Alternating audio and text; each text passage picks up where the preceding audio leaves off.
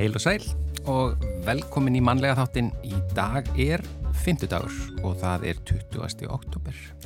Og þennan dag 1728 var gífurlegur bruni í Kaupmannahöfn.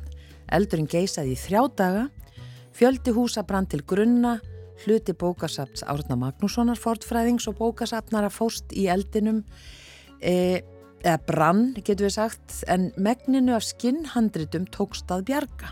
Já. Svo var á þessum degi árið 1989 sem að borgarleikus í Reykjavík var víkt með mikilli viðhöfn. Húsið hefði verið í 13 ári byggingu. Og skjár einn hóf útvarpsending, nei, sjónvarpsendingar, sjónvarpsútsendingar uh, árið 1999. Já. Það var nú, ég taldi skemmtilegu tími. Já, já, gaman þegar svona nýju hlutir byrja og, og, og fylgjast með hvernig það allt saman fyrir. Já, það var margar nýjar hugmyndir sem komið þar fram. Já, það var nú kannski að skemmtilegt að við upphásárin að það var bara allt reynd Já. sem var mjög skemmtilegt, mjög fjölbritt. Uh, Jærskjáltaðastærinni 5,6 reyði yfir Reykjaneskaga á þessum degaru 2020 og það auðvitað hafa bara, við getum verið að segja frá fjölda jærskjáltakör með einasta degi Já. sem að gerðist uh, að því að bara undanfarin, já, tvö árum það bil, þá hafa verið talsveit margir skjáltar á þessu svæði. Hmm, og eldgoss. Já, og, og tvö, tvö eldgóð. Já. En yfir í efni þáttarins í dag. Já, undanfarnar tvo daga hefur lestrakjensla verið mikið rætt í kjölfarið á fæslu Ilmar Kristjánsdóttur eh, leikonu á Facebook. Þar gaggrindi hún sérstaklega áherslu á, áherslu á raðlestur í lestrakjenslu.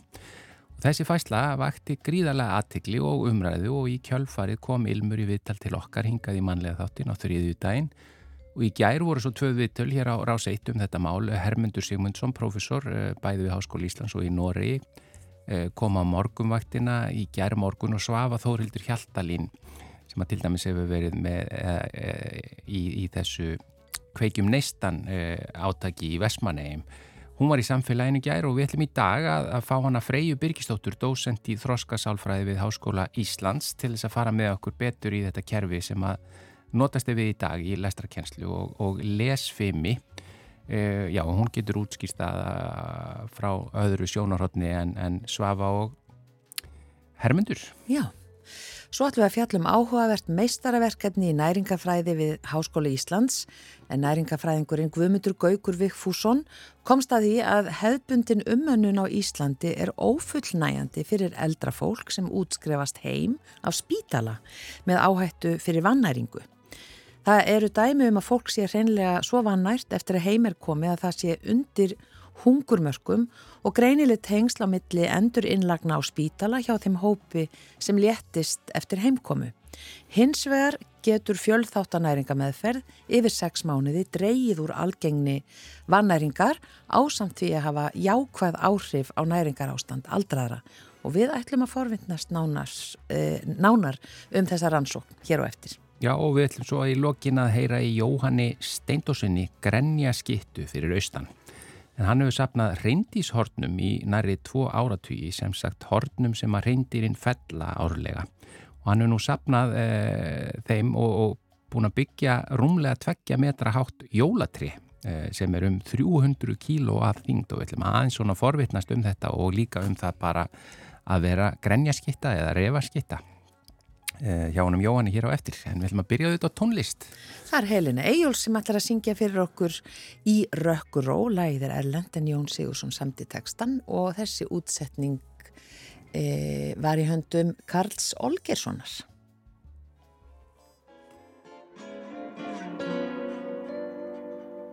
Vonætur friður fyllir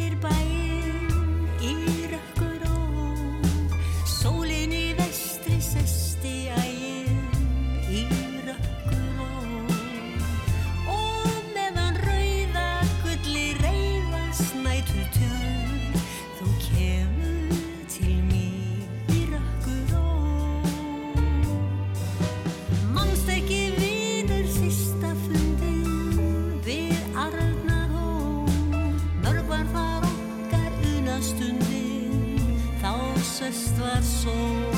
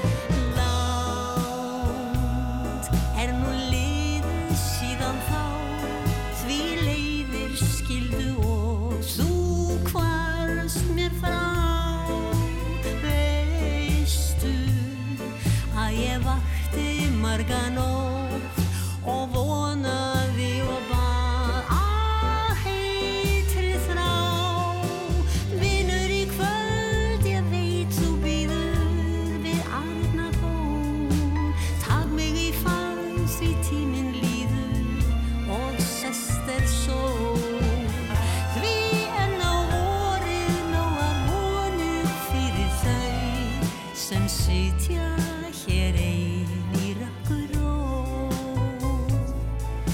sitja hér ein í rökkuró rökkuró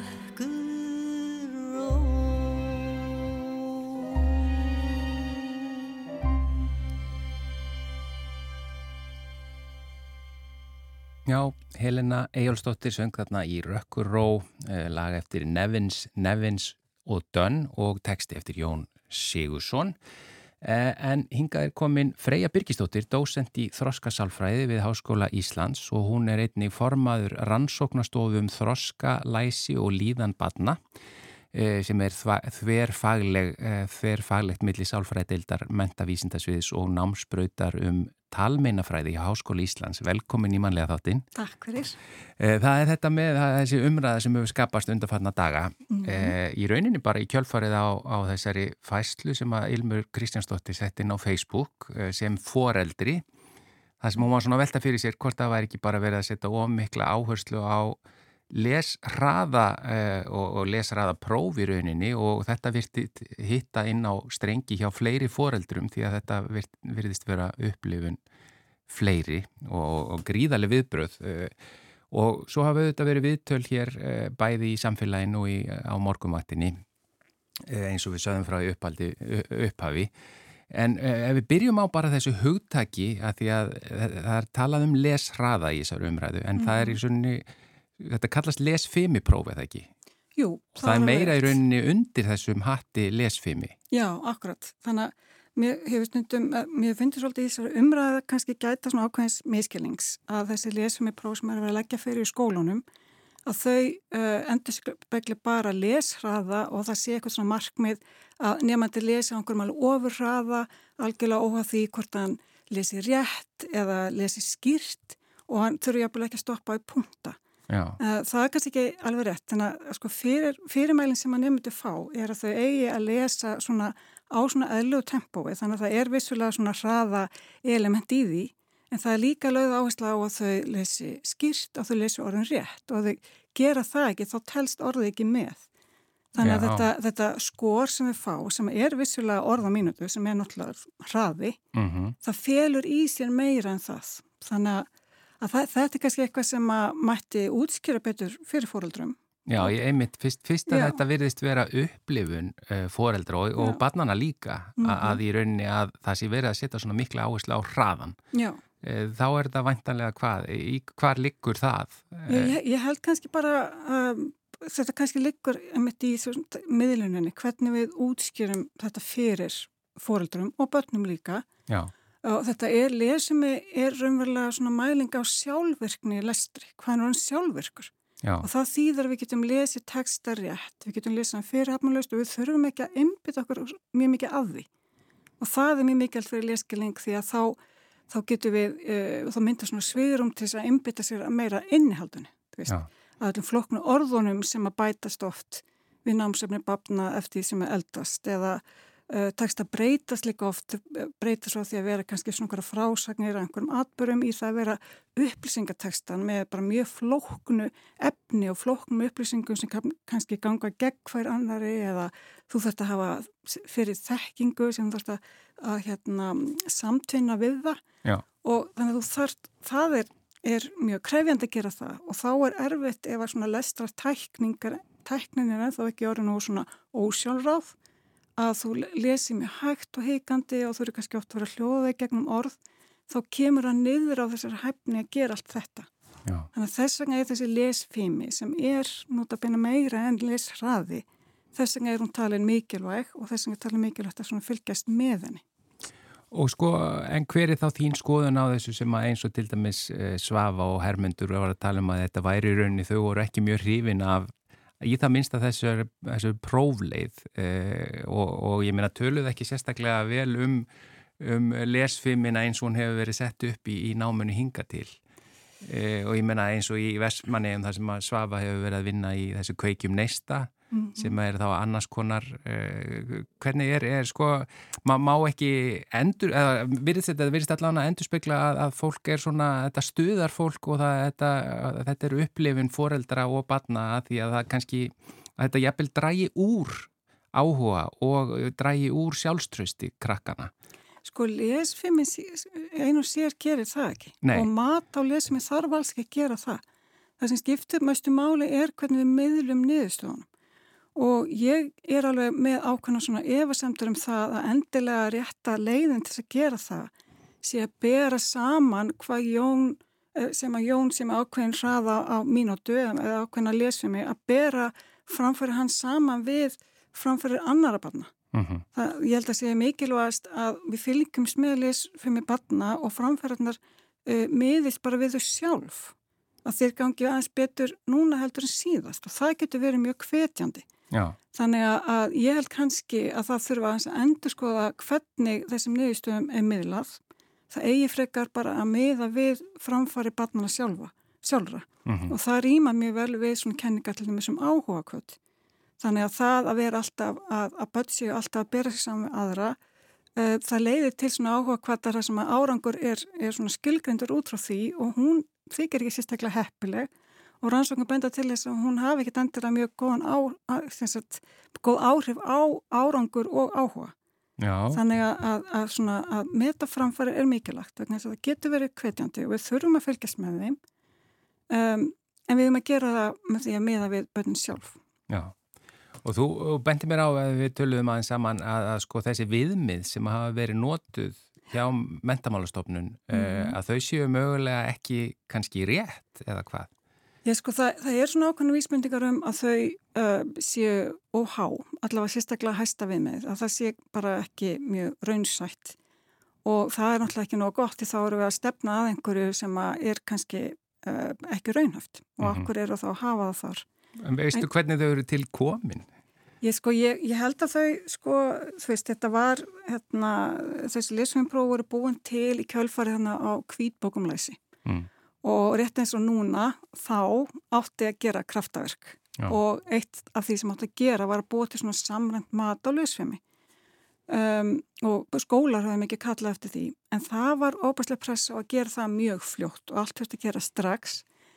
Og, og ég veit að það, það var, var mjög mikil handagangir í öskunni á mentamálstofnun og, hérna, og þessi viðmið þau byggja ekki nógu kannski sterklega á rannsókum á færni barna. Þannig að ég held að það verð einhvers svona reyndur lestakennari sem að svona uh, stilti þau af en ég veit að þau eru í endur skoða núna og nú Já. eru mentamálstofnun komið miklu meiri gögn þannig að það er svona verið að breyta þeim En þannig að þessi viðmið að þau hafi væntalega þá verið of há eða hvað? Já, þau, það eru ákveðna vísbindingar um það að þau séu á há. Já, en þannig að, að þú vilt meina að þessi lesfimi próf að, í rauninni, að þetta sé ekki alveg rétt að það sé svona mikil áhersla á lesraðan heldur í rauninni að les, undir lesfiminni sé líka lesskilningur og, og annað slíkt Já, sko, jafn hún- rétt átt eða Já, þetta er, þessi, eins og ég sagði, þetta er þessi svona mæling á uh, svona þessari, hvernig svona á, hversu automatist lestaferðli er orðið Mhm. og það bara hefur áhrif á leskilning. Já. Þess vegna eigum að fylgjast með því. En mér finnst líka mikilvægt að komið fram að þetta er ekki það eina sem skiptir máli í sambandi við leskilning. Þetta er mikilvæg fórsenda en þetta er alls ekki nægjanlega fórsenda. Já, Þannig að mér finnst umræðin hún einhvern veginn fer alltaf bara í þessa átt að tala um þessi lesfimi próf. já, En skólanir eru að gera mjög margt annað líka. Til mér og mentamálstofnun, hún býður upp á lesskilningspróf sem eiginlega allir skólan nota. Um, það eru alls konar ef bara skoðar hefni við meðin í mentor, þá sérðu að kennarar eru að bæði að, að kenna læsi og íslensku miklu víðar í samhengi heldur en bara fókus á hraða. Já. En eins og segir þá er einhver ástæð fyrir því að fóreldrar upplifa þetta svona. Og ég held bara að skólanir og stjórnvöld þurfa virkilega að hugsa um hvers vegna það er. Og það þarf, bara miðlunin þarf að vera betri, hún þarf að vera skýrari, það þarf að útskýra betur hvers vegna er verið að gera þetta og það þarf líka að undistrykka aðra þætti lestrar og leskilnings. Eins og til dæmis orðaforða, eins og til dæmis að þjálfa börni að nota leskilnings aðferðir, að geta fylgst með einn skilningi, hugsa, nú, herri, nú er ég hægt að skilja, nú þarf ég að gera eitthvað annað. Hvað þá? Skilju, þetta, er, þetta, er, þetta snýst ekki bara um lesfimi, hún er mikilvæg en það er margt annað sem þarf að hlúa að. Já, og, og eh, sko að því að miða við þessi viðbröð og þessar umræði sem að fer svona stert af stað, Mm að þá allavega virðist vera, eh, þú segir, í miðlun, Já. upplýsingu um það hvað er á bakvið þetta, -hmm. eh, en svo líka þetta með sko að þetta drægir raunin ekki úr börnunum, drægir ekki úr þeim sjálfströst eða, eða áhuga jafnvel þegar þeir verið, það er mögulega líkur í þessum samanburði eða, eða, eða upplifuninni að, að því einhverju hluta vegna upplifir fólk þetta svona. Já, og, og hérna Já, bæði börn og foreldrar. já, já, það, það, það, og, það, og, ég, og ég er sammála því ég held að það sé einmitt þessi miðlun, við þurfum að, að vanda betur til verka og við þurfum að bæta verklaði hvernig við, við miðlum upplýsingunum. Já, og, og hérna og það, en það þýðir ekki að við erum að hætta að nota prófin. Já, og að lesum ég sé bara að af hennu illa og, og þetta sé bara engin vísind á bakvið þetta. Það er bara ekki rétt. Vist, ég bara í gær þá prófa ég að, að slá inn reading fluency inn bara svona þekktustu svona leitarvelar sem við notum til þess að leita eftir niðurstöðum rannsókna. Og það bara núna er 2022 þá er sko meirin 30 greinar byrstar um lesfimi.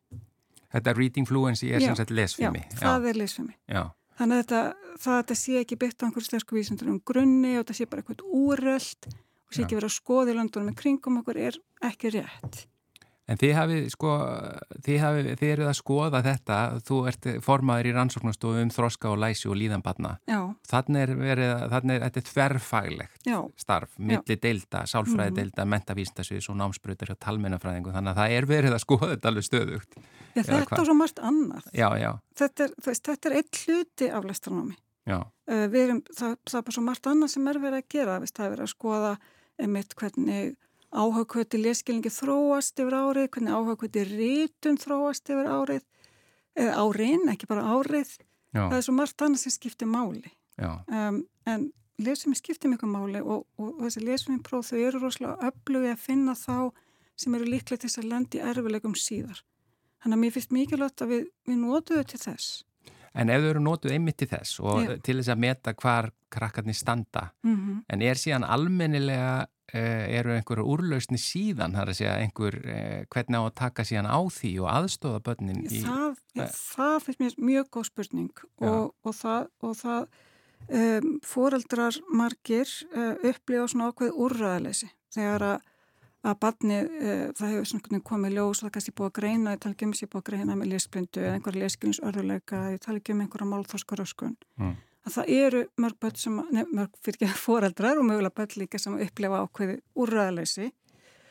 Og auðvitað uh, uh, margir skólar standa vel á þessum málum og allir eiga að setja sér svona lestra stefnu til dæmis í Reykjavíkaborg hún fyrir fram á það og þar kemur fram, þar eiga að setja sér svona markmum um hvernig þeir bregðast við þegar börnum gengur ekki nógu vel að læra að lesa. Mhm. um, og það er fyllt eftir því að þessi lestarstefna um, sé, sé gerð og hvernig hún er gerð en spurningin er bara sko líka hvaða úrræði kennarar og skólanir hafa og þeir hafa mikið verið að kalla eftir auknum stuðningi þannig að í, í fjárma, uh, hérna, uh, það er að segja í Já. peningum, að, geta já, tekist á við já, þetta ég eða meina, hvað? peningar þýða uh, Starfsfólk. starfsfólk. Já, þannig að, að hérna, breytinni nefnda hópnum er mjög mikil já. Þannig að sko stefnan, þú segir, er til staðar en það er ekki Já. endilega eh, fyllt alveg nógu vel eftir eða Nei, hvað? það er svona spurning hvort að skólar hafa mis svona góð úrræð til þess Já, og ég held að þau eru bara að veita skólinn bara miklu, miklu meiri stuðning en þeir hafa í dag. já, Þannig að þetta þarf einhvern veginn allt að hanga saman. já.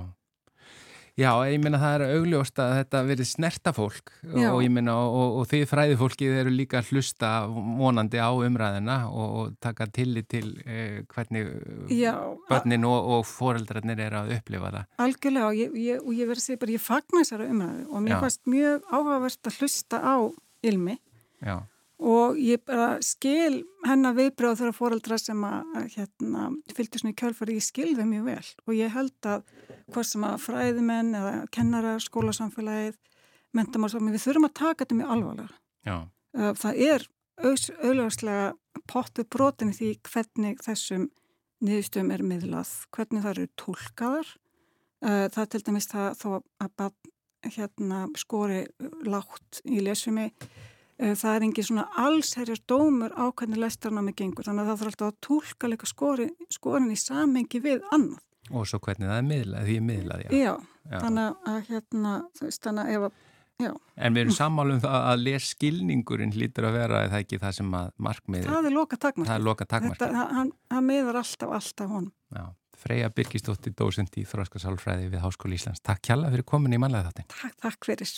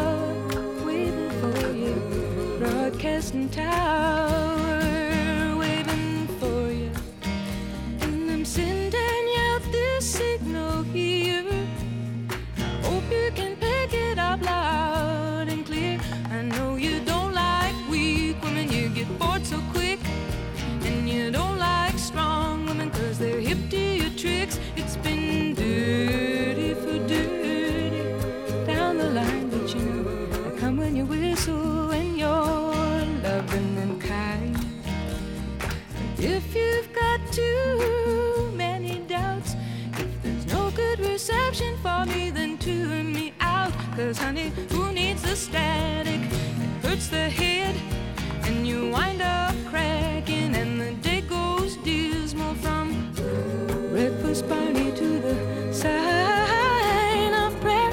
What a sorry face you get to wear. I'm gonna tell you again now if you're still listening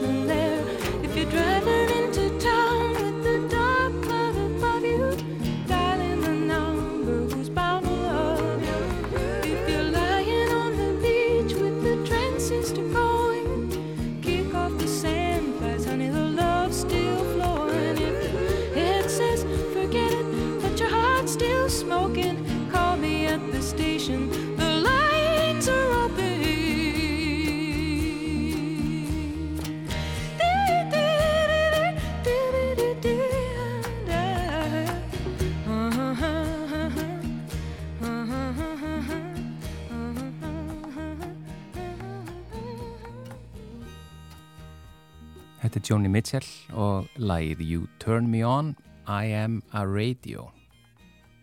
Guðmundur Gaugur Vigfússon, næringafræðingur uh, og aðjungt við Háskóla Íslands laug meistaraverkefni sínu í næringafræði í sömar og þar var hann að kanna áhrif sex mánada næringar meðferðar meðal aldrara í áhættu fyrir vannæringu eftir útskrift af spítala.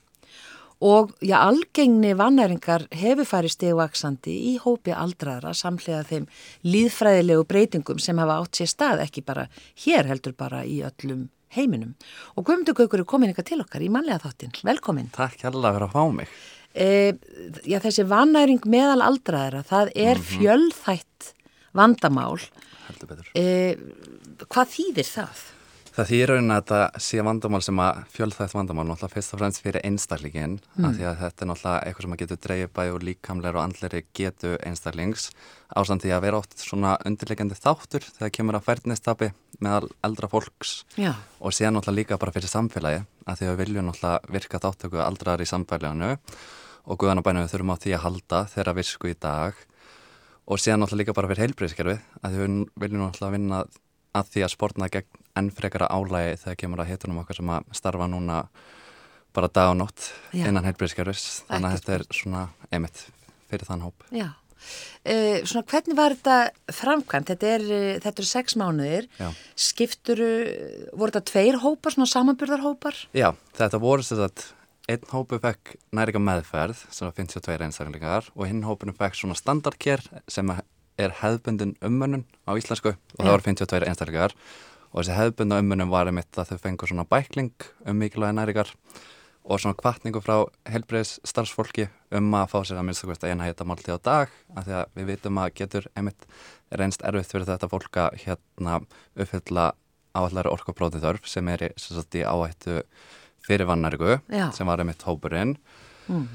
Og hópurinn sem fekk næringa meðferðina hann sem sagt hérna fekk næringa ráðgjöf sem sagt áttaskipti þar sem að næringafræðingurum Berglind Sofía Blöndal fór heim til fólks í Já. þeim skipti Já. og séðan fengu við líka heimsenda mat á hverjum degi í sex mánu sem var sagt svona orku og próteinbættur átt þess að þetta uppfylla að minnst okkur 75% orku og prótein þörnæra Já. og síðan fengum við líka svona næringadreki næring plus þannig að þetta var svona fjölþátt að næringameðferð sem að hafði í rauninu bara ekkert verið gerð áður hérlandis nýja á heimsvísu og síðan var þetta svo þannig að við tókum svo að svona mataræðis könnun þegar við vorum upp á spítala og komumst að því að báður hópanir voru að borða ótrúlega svipað fyrir útskrift eitthvað í kringum 1500 hita einingar dag sem er náttúrulega bara meikar alveg sens það því að hérna þetta er náttúrulega fólki var sama matselum en Já, síðan, já, og síðan og síðan sem sagt eftir þess að sex mánu að þá var hópurinn sem ekki næringa meðferðina hann var að neyta tæpla 2400 hittæningar á dag sem er bara sko geggjað að því að, að að það eru svo margar rannsónir á þessu sviði sem að hérna eru kannski að meta áhrif næringa drikjar og láta mann ekkert endilega vita heldar orku, orku intökuna hérna kannski þá einstaklega bara borða einu bön og kannski tvo næringa drikki þannig að það eru ótrúlega fá rannsónir sem að sína einmitt svona heldar orku intöku og prótinindöku og síðan var hinn hópurinn þannig ég vissi í rauninu bara ekki að vera hægt að einhverju leiti, þú veist, að vera að borða yfir 2400 dæningar, um og síðan var hópurinn sem fekk hérna ekki næringa meðferðina. Hann var að neyta tæpla 700 eitthvað í kringu 700 dæningar á dag. Og ég fekk leifi til að segja þetta að þá var ég að fara yfir alla matar dagbækunar hjá öllum. Og það var oft sem ég sá kannski bara hátegismat vera kannski þrjár matskera jógurt og tveir betara banana. Þannig að maður sá alveg hvað þetta er mitt erfitt að borða. Og það var sér að gerð það er einu sinna áður hérna á Íslandi verið gerð rannsón sem að fylgir einmitt svona sambarilegum hópi heim eftir útskrift Já. þá 2017 og það var sér að hérna mastersverkinni enn og aftur eftir Berglindi Sofía Blöndal og þar voru einmitt að sjá bara ótrúlega svipa bara eitthvað í kringum 700 hitæningar hérna eftir þess að útskrift þannig að við erum að sjá einmitt bara hvað getur einst fólki erfitt að, erfitt að matast án aðstofar og sér að bara til að koma í að, þannig að samkvæmt skilgreiningum alþjóða heilbriðismálastofnarinnar hú, mm. að þá skilgreina þau setja tungumörk sem 900 hitæningar að undir þannig að þá erum við bara að gefa okkur að í bæðiskeitin sem við erum kannada Já.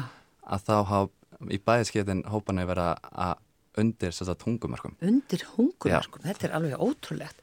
Og hvað, eh, og hvað veldur eða hvað, eh, hvað spilar þetta inn í? Vitið þið það?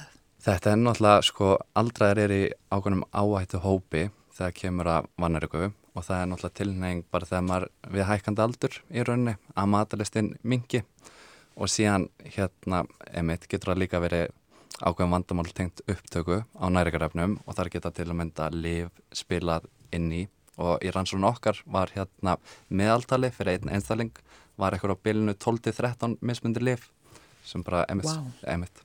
og síðan geta líka svona viss sjúkdóms ástund eins og hérna haft áhrif að auki líkunar á einstaklega greinis með vannariku mm.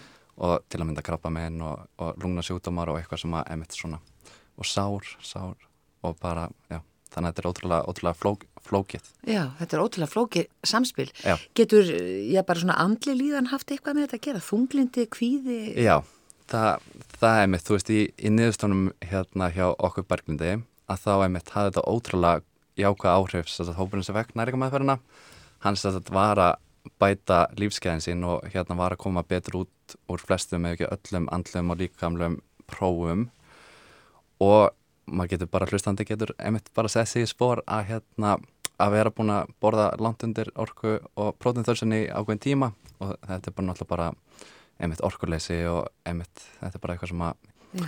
við viljum vera að tryggja, þú veist, að fólk, fólk hérna, við viljum, ég vil búa til ákveðna utópíu, þú veist, í framtíðinni sem er nú ekki meira það að einstaklega fá að uppfylla grunnþörf sína sem er bara að tryggja þessu að allar með aðgengi til að, að matast og séu með aðstof til að matast fyrir þá sem að eiga erfitt, erfitt með að matast. Svo er náttúrulega þessi fýta sem er eitthvað svo nöðsynleg bara fyrir heilan sem hefur nú svo oft komið fram og, og eins og þú segir kannski þegar fólk er þarna undir hungumörskum í langan tíma Já. þá náttúrulega er, þú veist, maður getur ímynda sér Einmitt. sko líðanina og orkuleysi Já. og svima og Klálega og eitthvað sem að ég hafði ekki, þú veist, ekki gruna þegar ég var að byrja í nærgafræðinni að þá sem sagt, til að orku og prótinbæta matinn þá var oft bætt til dæmis rjómi út í sósur, smjör og brauðið og þetta var eitthvað sem að ég held hérna viðkynni þegar ég var að byrja í nærgafræðinni þá var ég búin að henda þessu öllu út úr mataskánum að Já. þetta gæti aldrei verið eitthvað holt og ég hættur þannig að orðið holt en hérna, en þetta er sem það bara skila, þú veist, við þurfum að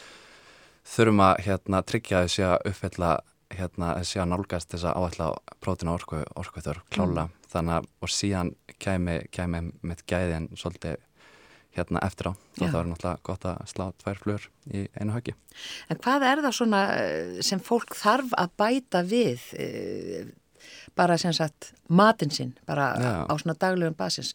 Hvað er það sem þið sjáu eða vantar mest? Er, er það þetta sem mústu nefna, rjómi, smjör, óljur, Sko, sko þú veist, já. hvað er það? Er það prótein bara aðalega? Já, það er aðalega orku og prótein en hérna bara út frá einmitt niðurstöðunum og einmitt að, hérna, að þau fá sem að svona hefðbundin ummönnun þá fá þau þess að hérna bækling sem er bara ótrúlega flottur sem er einmitt með öllum þessum upplýsingum hvað er hægt að gera, þú veist bæta málti við og þess áttar en á sama tíma voru niðurstöðunum þannig að sáhópi var bara í kringum 700 reyðæningar á dag.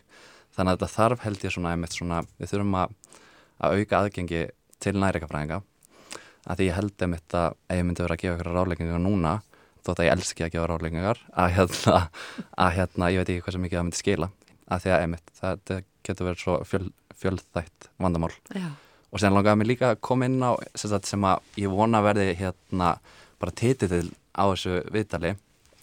Að í þessu verkefni þá nýtti ég að hérna svona nýtt alþjóðlegt greininga við mig þau erum að greina einstaklega með vannaríku og sem heitir Glim og sem sagt í, á upphásbúndi áður þess að þau fóru af spítalunum hérna þá er hópin sem að fekk hefðbunda umönnun. Mm. þá eru 58% þeirra sem voru vannarir og síðan eftir 6 mánu fór það sem sagt úr 58% og alveg upp í 73% þannig að þau voru vannarikatinn hækkaði hjá þeim. En það kom að hópnum sem fekk nærika meðferðina að þá eru 65% þeirra hérna vannarir á upphásbúndi sem að fór allaveg í 15% eftir 6 mánu sem er bara niðurstöð sem að bara hafa allar sérst sko. hvað er það að Já, segja? það er ótrúlegt sko. Þannig að uh, þau þurfa hjálp, Já, það er bara það er bara já. niðurstaðan. Það er svolítið niðurstaðan. Já. Þetta er bara hérna, já, það er svolítið niðurstaðan. Já, Já. að því, já, bara eins og segir, bara líka aðgengi og annað, það er ekki allir sem Einmitt. kannski komast á hverjum degi út í búð og, og, Svo er það. og það er alls konar í kringum þetta. Já, og svo líka náttúrulega hérna var ég bara komast að ég held að ég sé 50 hérna næringafræðingur sem útskrifast sem hérna kall og við erum í rauninu bara eitthvað í kringum 100 hérna næringafræðingur á Íslandi með löggild starfsæti Mm. og, og hérna þótt að einmitt næringafræðingar ættir innan teima, svona þverfræðilegra teima hérna þegar, þegar við erum að sjá um hérna einstaklega sem er í áættu að grænast með vannaríku að þá myndu næringafræðingar einu og sér er aldrei, aldrei hafa getuna út að fjölda til, a, til að hjálpa öllum í rauninni. Þannig að við þurftum í rauninni aðstóð frá hérna öllum öðrum heilbriðs vísandsvis greinum til að, til að einmitt að, því að að algengnin er svo há á Íslandi. Einmitt, þannig að afleðingin náttúrulega er svo að, að, að hérna fólk er þá bara að leita meira inn á heilbriðis stofnanir, það verður veikar að því það Já. er vannært, þannig að það er engin spurning að þetta er, er mikill ávinningur í því að geta aðstofa fólk heima fyrir. Í hverju væri svona svo aðstof e, best? Hvernig sér þú þetta bara í svona Mm. einmitt í, í fullkomnum heimi? og í fullkvæmum heimi það væri raunin bara að hver og einn íbúi hérna, hver og einn hérna, sem býr hérlendis, hann væri bara hérna með númerið eða bara hérna ætti bara ótrúlega auðvöld með að hafa samband við sinn nærikafræðing eða sinn heimilisleikni og hérna í gegnum heimilisleiknin að hafa samband við nærikafræðing og, og einmitt að myndum auka, auka bara fræðsluna innan, innan helbriðis hérna kerfisins þegar kemur á vannæriku, mm. af því að hún er oft hérna, hefur oft verið titlir sem beinagrindin inn í helbriðis hérna kerfiskáknum þannig að einmitt, þú veist, ég er full að trúa að við getum þetta. Og einmitt að nærikafræðdeildin er bara ung vísindagrein og þetta er bara svona hægt og róla alltaf koma. Það sem að ég myndi einmitt síðan líka vilja sjá væri, þú veist, að fá fleiri nærikafræðinga inn á heilsugellu, inn á dvalur hjúgrunheimili, af því að á Íslandi er svo krafa að hafa nærikar ekstrafræðinga á dvalur hjúgrunheimilum sem er ekki kent hérna heima að fullu, en á samanskapi er ekki gerð svo krafa að hafa nærika fræðinga inn á dvalur hjúgrunheimilum þannig að og þá erum við að sjá kannski hóp sem að er bara í áhættu á vannaríku eða vannært og kannski hefur gefum okkur algengni sé innan dvalara hjókurheimila í kringum 40-50% að þá er til dæmis að kvöldmaturinn er millir 5 og 6 til að bara sjá til þess að séu nóga fólki til aðstofa hérna einstaklinga við að matast að þá hérna er kannski bara fullt af fólki sem er ekki með matalist hérna fyrir en bara klúan 7 og þá er maturinn nefnitt kannski annarkur kaldur eða það er að endrita eða bara minna aðstofi að matast. Þannig að þetta er svona kerfisbundin, áskorun klála en á sama tíma með bara hérna getur fólk haft sambandi mig og bara ég veit að þú veist að ég get gefið rálingar og einmitt fólk getur tekið þetta til sín. Mm. en á samanskapi bara hafa samband líka þú veist við nærikafræðinga hérna heimilsleikni og, og bara kanna og fá að, fá að hérna, fara svona skimun fyrir vannariku sem að tegur bara ótrúlega fá myndur bara að vera að kanna nokkur hlutum þá er hægt að sjá hvort að þú sért hérna þá er yngri hættu á vannariku mm. eða í svona miðlungshættu eða... Er það gert á heilsugjastlunni? Já, það er sko, það er gert á spítalum mm. það mætti vera gera, gert meira að því ég held að það eigi að vera gert á heilsugjastlum en núna er náttúrulega bara hérna, einmitt nærikafræðingar nýbyrjar að koma inn á heilsugjastlu þannig að ég bara rauninni ekki alveg nógu kunnur Nei. um hvort það sé gert sko. en mm. það ætti klála að vera, Já. af því að við vorum að sjá ef ég held áfram að síðustu hérna niðurstunnar voru þess að það er að ég skipti hópnu segjan upp í einstaklega sem að voru að letast hérna á móti einstaklega sem voru að þingjast á þessum sex mánum og einstaklega sem voru léttast, þeir voru held yfir að fara, voru með fleiri endurinnlagnir upp á spítala, þeir voru að fara oftar upp á bráðamáttöku og þeir voru held yfir lengur upp á spítala í samböru við hópin sem að léttist ekki. Og ég tók þetta að bæði á þessu sex mánuðin sem rannsónin var og tól mánu svona eftirfylgni tímbili þannig að þetta voru alveg átjá mánuður sem að ég kanna þetta. En á sama tíma var þetta ekki marktæk tengsl af því að við hefum mér bara þurft meiri styrk eða hérna fleiri þáttangundur til að sjá þetta já, mér langar að hérna að sjá heilsugæsluna, þú veist, emitt mögulega, þú veist, vera að hérna vikta einstaklinga sem er, þú veist, eru í grunum vannariku og mm. þannig að við höfum bara í rauninni fleiri gögn og emitt, bara til að geta gert það efinn allt betur. En þetta var ákveðin vísbending samt? Klála, þetta, þetta, þetta var trend, sko, mm. og þetta sem að, maður var að sjá og hérna sem bara ótrúlega, ótrúlega jákvæmt og þetta eru bara ótrúlega flotta nefnstur og hérna þeir eru fyrsti þáttunum sem að færa að heyra þetta. Já. og þetta sko ég bara rétt að vona til þess að þetta speringi þú veist að tali allir um þetta hérna þegar það var að borða kvöldmatt í kvöld. Akkurat. Það er jóna Kærar þakkir fyrir að já, koma með þessa niðurstöður hérna já. til okkar Guðmundur Gaugur Viffússon, næringafræðingur og aðjungt við Háskóla Íslands. Og þetta var þitt meistarverkefni í næringafræði, sláandi niðurstöður. Mm -hmm. Að svona margir séu, já bara undir hungurmörkum og séu bara vannærðir sem þýðir eins og þú hefur já. sagt, bara fleiri innlagnir á spítala og bráðamótöku og og lengri eh, spítaladvöl já. já, lengri spítaladvöl þannig að það er ekki spurning að, að hérna, þetta verður að, að skoða, skoða betur. Kæra þakki fyrir komina. Já, takk hérlega fyrir biljón takkir. Þrjú tóna sandi Þrjú sandi Þrjú thousand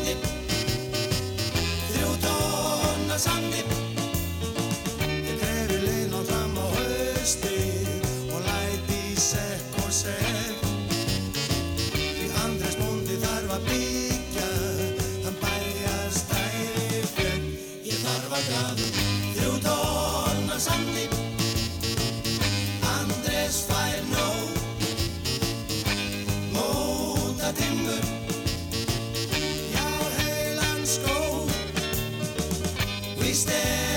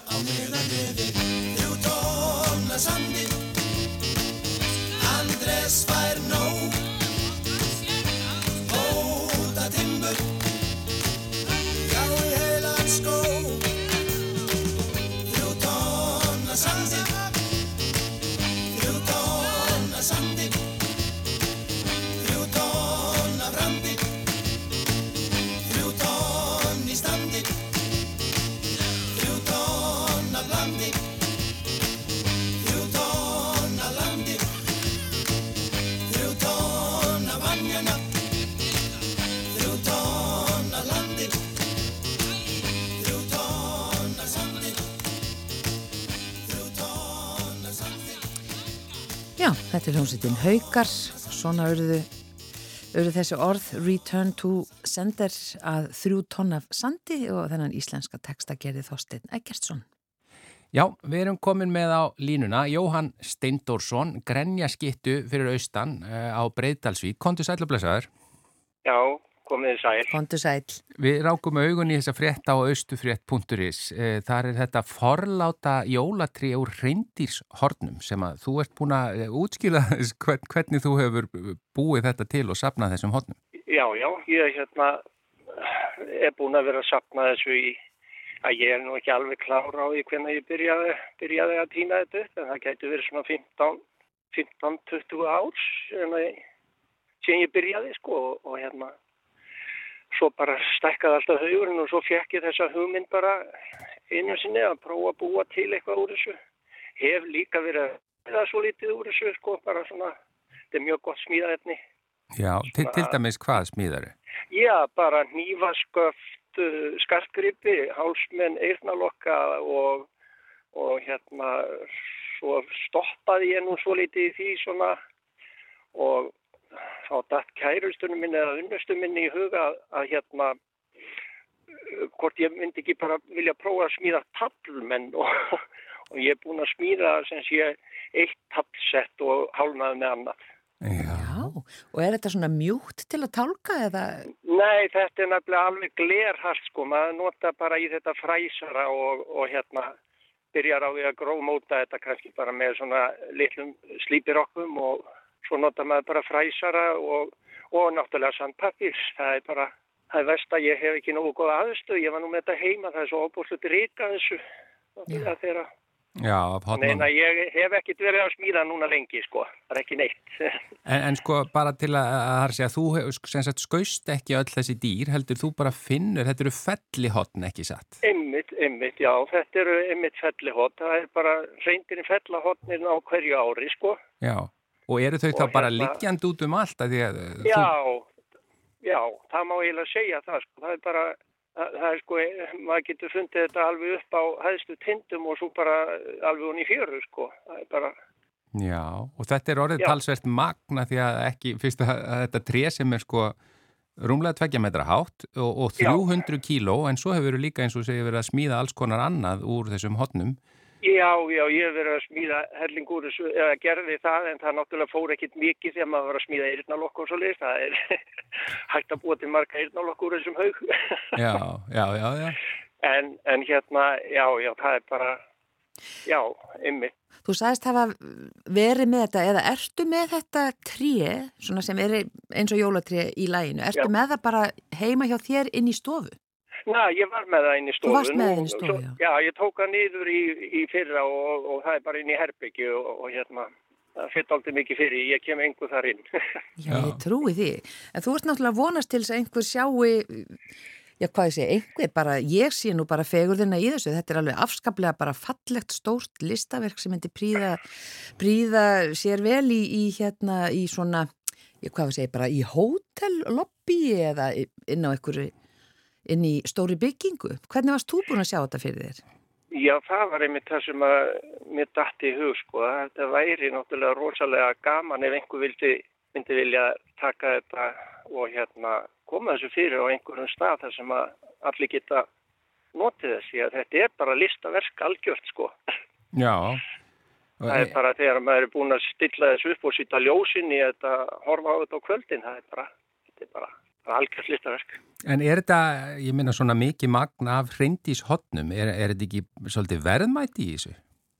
Jú, það er allavega, sko, er þetta mjög dýrt smíðaefni, þeir sem er að kaupa þetta til að smíða úr þessu, það er, þeir eru að borga, sko, já, einhver þúsund krónur fyrir kíló eða þessu, ég er bara ekki alveg klára á því, 6-7 þúsund, eitthvað svo leiði, sko, hef ég heilt, Já.